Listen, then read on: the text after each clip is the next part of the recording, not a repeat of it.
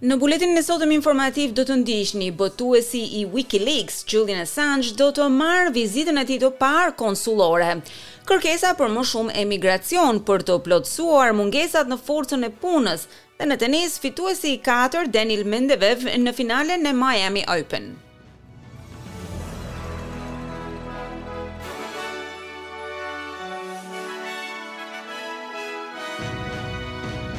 Fillojmë gjerësisht me lajmet. Komisioneri i lartë australian në Mbretërinë e Bashkuar, Stephen Smith, thotë se do të vizitojë botuesin e WikiLeaks, Julian Assange.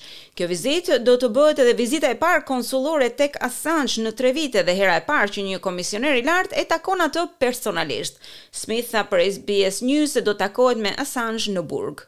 So shortly after I arrived here his father approached me requesting that I Menjëherë pasi mbërrita këtu, babai i tij më tha se duhet të vizitoja zotin Assange. Për herë të parë që nga fundi i vitit dy mijë e nëntëmbëdhjetë, ai ka treguar se është i përgatitur të pranojë një vizitë konsullore nga një zyrtar australian dhe pata fatin të jem unë. Jam i kënaqur për këtë sepse kjo më lejon ta kuptoj atë, diçka të cilën nuk kemi patur mundësi që ta bëjmë për tre vitet e kaluara. Assange vazhdon të luftojë ekstradimin në Shtetet e Bashkuara ku dhe përballet me akuza në lidhje me publikimin e dokumenteve të zbuluara nëpërmjet kablogrameve diplomatike. Shoqata e Industrisë së Strehimit thotë se mungesat në forcat e punës kanë treguar se po ndikojnë edhe në ekonominë australiane. Grupi më i madh i industrisë së strehimit në Australi ka bërë thirrje për mundësi më të mëdha për të sjellë emigrantë në Australi, Kjo për shkak të mungesës së fuqisë punëtore. Shoqata e Australisë tha se çështja është e ndërlikuar, ndërkohë që popullata australiane është rritur me treqind mijë emigrantë të cilët janë zhvendosur në këtë vend brenda dymbëdhjetë muajve të fundit. Kjo ka ndikuar sigurisht edhe në krizën kombëtare të strehimit. Ndërsa vizat e përhershme dhe afatshkurtra janë ofruar për të tërhequr punëtorë të kualifikuar, kjo shoqatë thotë se kërkesa për punësim për kohë të plotë i bën ato jo praktike për industrinë e ndërtimit, pasi shumica e punëtorëve në këtë industri janë nën kontratë ose të vetëpunësuar.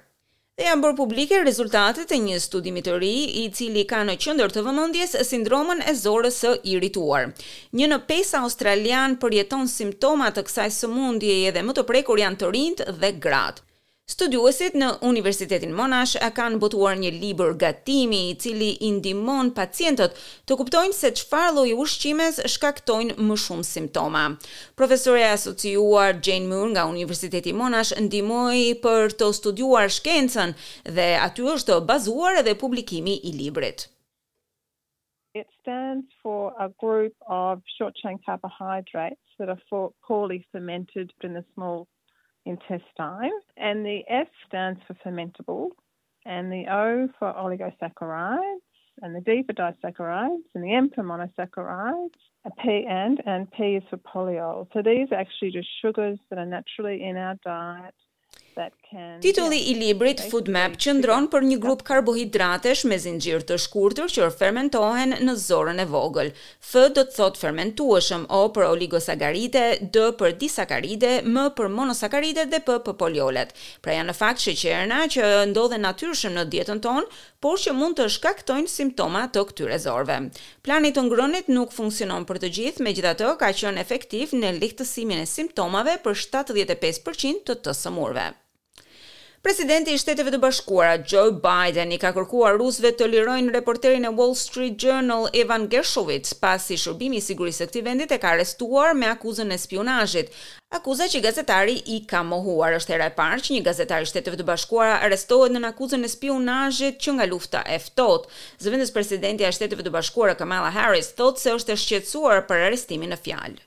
I am not gonna comment on an ongoing criminal case as it relates to the former president, but I will say as it relates to the American citizen that has been detained by the government. Nuk do të komentoj në lidhje me çështjen penale që ka të bëjë me ish-presidentin, por dua të them se shtetasi amerikan që është arrestuar nga qeveria ruse na ka shqetësuar. E themi në mënyrë të qartë se nuk do të tolerojmë dhe do ta dënojmë me forcë shtypjen e gazetarëve. Jemi të shqetësuar për çdo përpjekje për të mbytur lirinë e shtypit, tha ajo.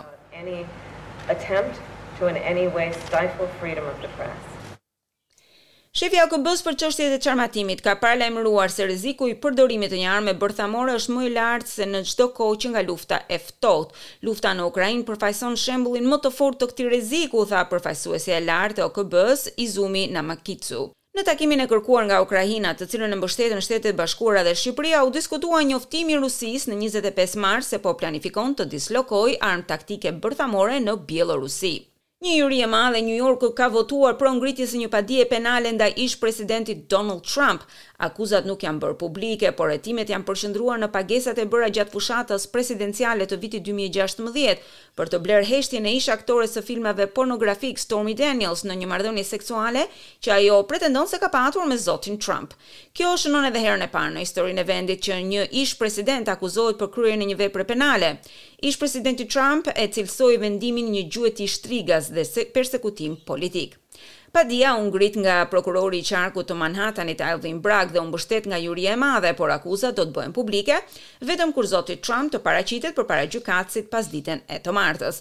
Ekspertët besojnë se zoti Trump mund të akuzohet për falsifikimin e të dhënave të biznesit, Profesori i drejtësisë në Fakultetin Juridik të Kolumbisë, John Coffee Junior, thotë se ka shumë për të spekuluar se me çfarë akuzash penale do të përballet Trump. Paying hush money is not illegal, falsifying business records is, but falsifying business records is only a misdemeanor. Pagesat e parave nuk janë të paligjshme, falsifikimi i të dhënave të biznesit është. Falsifikimi i të dhënave të biznesit është vetëm një kundravajtje e dënueshme me më shumë se gjashtë muaj burg.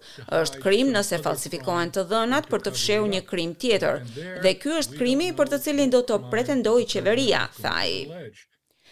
Ish ylli paraolimpik i Afrikës së Jugut, Oscar Pistorius, nuk ka të drejtën e lirimit me kusht. Tridhjetë e gjashtë vjeçari vuajti tetë nga trembëdhjetë vitet e dënimit të tij për vrasjen e Reeva Steenkamp në vitin dy mijë e trembëdhjetë. Zonja Steenkamp, një modele dhe studente juridike u qëllua për vdekje në banjën e tij në ditën e Shën Valentinit. Zëdhënësi kombëtar i shërbimeve korrektuese Singabakho Nxumalo, tha se zoti Pistorius nuk ka arritur ende në periudhën minimale të paraburgimit të kërkuar për t'u kualifikuar për lirim të parakohshëm.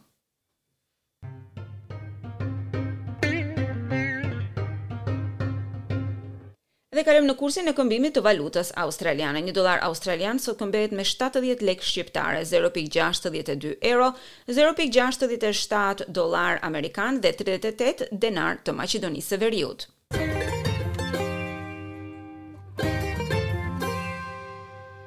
Kalojmë në sport, Daniil Medvedev i ka përjetuar një prove raskapitëse nga miku dhe kolegu rus Karen Khachanov për të fituar një vend në finalen e Miami Open. Kampioni i tenisit do të vazhdojë të luajë në finalen e tij të pestë radhazi dhe ndeshjen e parë të kampionatit të Miami Open.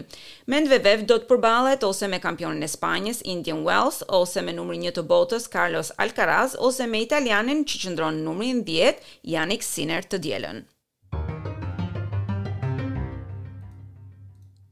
Dhe kalojmë në parashikimin e motit. Sot nëpër qytetet australiane u regjistruan këto temperatura: Sydney pesëmbëdhjetë njëzet e një, Melbourne dymbëdhjetë gjashtëmbëdhjetë, Brisbane tetëmbëdhjetë njëzet e tetë, Perth gjashtëmbëdhjetë njëzet e shtatë, Adelaide njëmbëdhjetë nëntëmbëdhjetë, Canberra pesë nëntëmbëdhjetë, Hobart tetë shtatëmbëdhjetë dhe Darwin njëzet e pesë tridhjetë e katër gradë Celsius.